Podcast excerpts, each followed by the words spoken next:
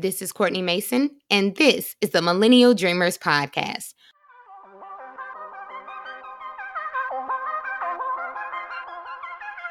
My dear friends, I hope you are well. I'm doing sensational. And we are just going to dive right into today's topic, which is the subtle art of mastering small talk. I know someone right now is like, ugh, I hate small talk. And I can understand it, and I actually can empathize with you because I somewhat agree, but it's necessary. So I know we can't really get around it most of the time. And small talk really can lead to connection, and connection leads to relationship building, which is key in our professional and personal lives.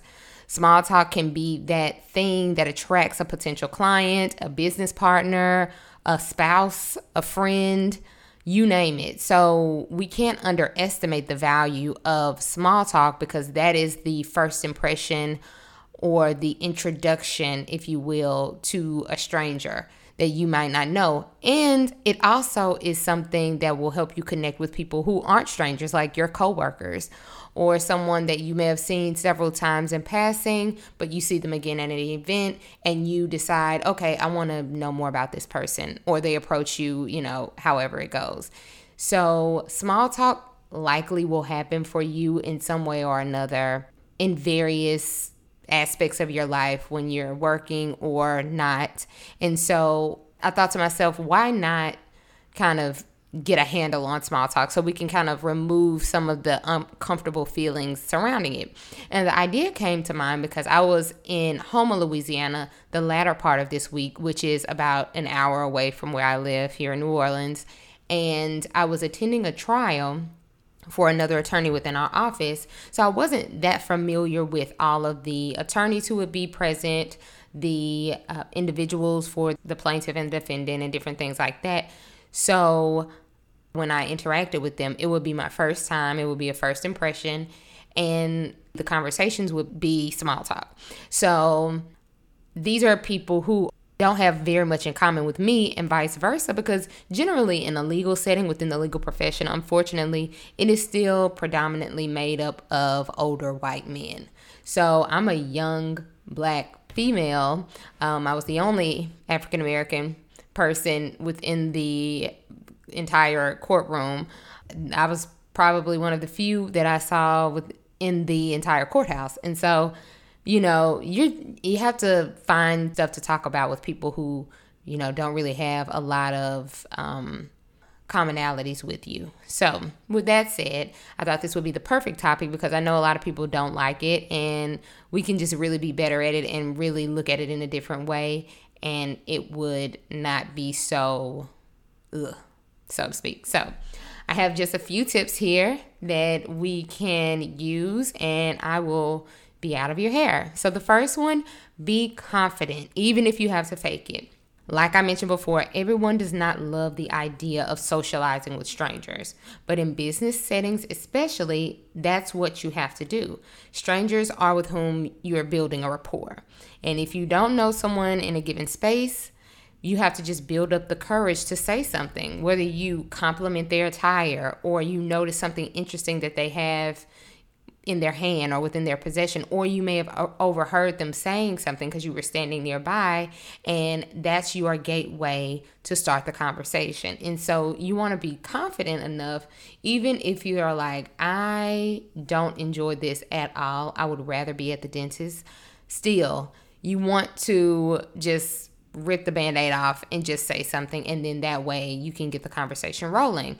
I've done this recently while doing one of my solo dates around town. What I'm starting to do is like on a whim, if I'm like, actually, I want to try this restaurant or I want to go here, and I may not have someone to go with, or it's so last minute that I don't want to ask anyone, I'll just go by myself because actually I enjoy it. I like taking a book or something and going to sit, try a restaurant, try an appetizer and a drink or whatever, and enjoy some me time. So I did that last weekend and I went by a restaurant here and just sat with my book. I was reading The Vanishing Half by Brit Bennett and it was really good and a young lady the the server came and sat a young lady who was also dining alone right next to me. She was coming in for just a drink and a dessert. And I had a distraction in the form of my book, so I didn't have to say anything to her. But I just looked over and I said, you know what? I should say something because I was like, she's a really pretty girl. I loved her hair. It was like a lot, you know, full and voluminous and, you know, really curly. And I just, I looked over and I said, I guess we both had the same idea to have a solo date. And just that one comment, she perked up and she was like, Yeah, I actually just came from a crawfish boil. I have a wedding to attend tonight and I just wanted some time alone. I've been around people all day and I just wanted, you know, a piece of a slice of cake and a drink and then I'll get back to doing all that other stuff later on. And so she was like, Well, what are you reading? She saw that I had my book and I showed her the cover and she was like, Oh my gosh, I've been looking forward to getting that book. I've seen it everywhere. And that then turned into what she was reading. She said, Yeah, currently I'm reading a book called Half of Yellow Sun. And I said, I've actually read that book. Um, it's by Chimamanda Ngozi Adichie.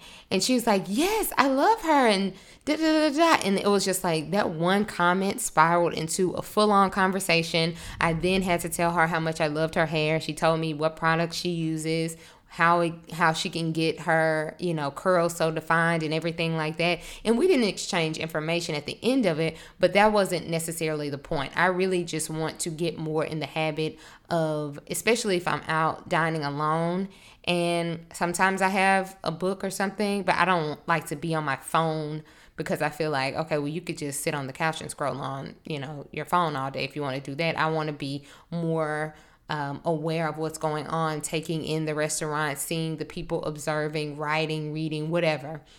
And so, even though, you know, we didn't exchange information, if I see her out in the city again, we have something in common. And, you know, we've already had that first encounter, and it was a pleasant one and a positive one. And so, that just leads me to that first point. As I said, be confident to just say something. Even if you are an introvert, even if you are someone who does not enjoy small talk, just say something if you feel the urge to do so. If you're like, actually, I do want to engage with this person, don't let fear kind of hold you back from that. Um, or if you're in a business setting, and don't let fear keep you you know, watching everyone else engage in these conversations and build up a rapport, and you are just on the fringes, um, or in the fringes. You're like, you know, on the sideline observing and watching. So that's the first thing. Secondly, you want to ask questions. You want to show the other individual that you like to learn more information about them. Not in an interrogation type of way, but just so you aren't the only person speaking because while talking about yourself is a familiar topic, it gets old after a while, and you want this to be a give and take interaction. So you want to start by asking that person questions that will get the conversation started if they haven't asked you a question. And then that way, both of you are sharing information.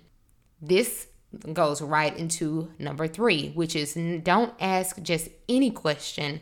Try to ask interesting questions. We get into the habit of saying, How are you? Or, you know, how was your day? Or, you know, something basic that you, people hear often and they come up with these canned responses that are not really engaging. Um, but if you think, let me try to come up with something interesting to ask, then that makes the person even more excited to talk to you and it makes the conversation more interesting. So I would suggest thinking of five to 10 questions that you can list out in your phone. Like, I love the Notes app in my phone because any random thought I have, any observation I have, any list of things, I put it in the Notes app on my phone. So you can just write out interesting questions. I was listening to Jay Shetty's podcast recently. It's called On Purpose, and he discussed this very thing. He said, there was once a time when he met someone for the first time at an event and they were briefly chatting and that person said, "You know, what's the most exciting thing that has happened to you in the last 7 days?"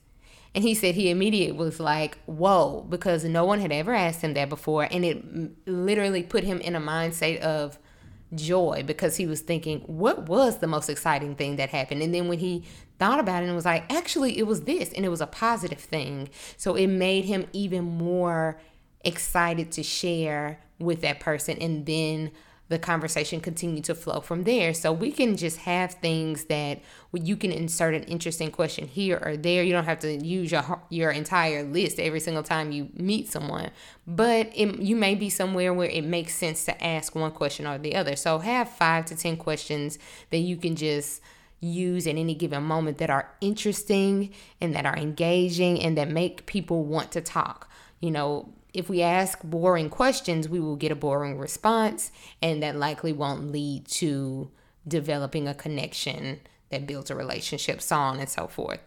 So that's number three.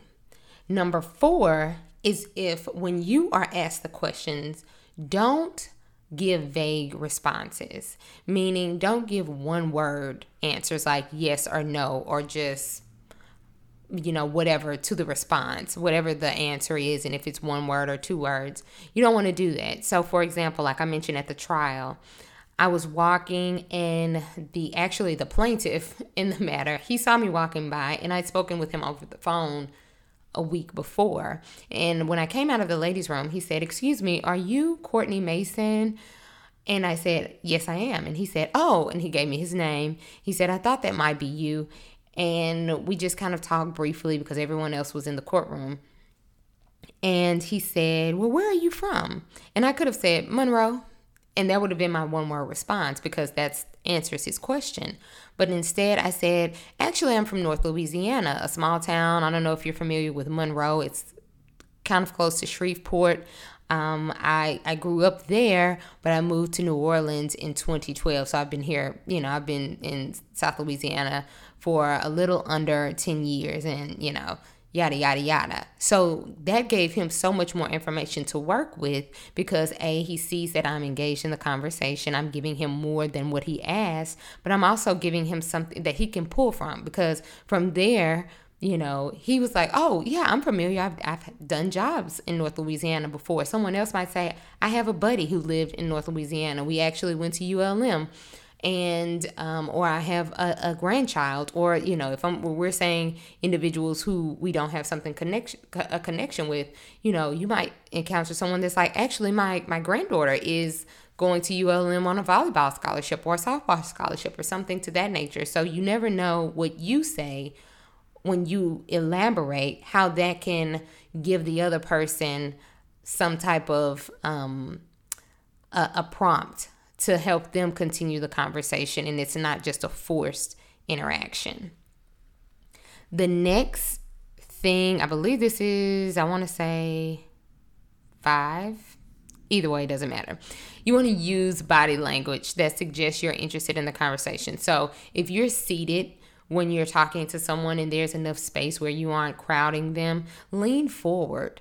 That body language suggests that I'm interested in what this person is, is saying to me um, make eye contact. I'm someone who, when if I'm talking, I generally won't look directly at the person. Sometimes I will, but sometimes I'm just like I use my hands a lot. I'm expressive when I speak. So I may not be making direct eye contact, but when someone is speaking to me, I look directly in their eyes because I want them to know I'm paying attention to what you're saying and I'm listening, actively listening and taking it in. And then that way I can have something to say after they're done speaking. Or I just understand more what they're saying, like I'm taking in. So those are nonverbal things or cues that you can do to use your body language to show that you are engaged, like nodding your head. If someone says something, you're acknowledging what they're saying by nodding your head, or they make a statement that you agree with and you can nod your head yes.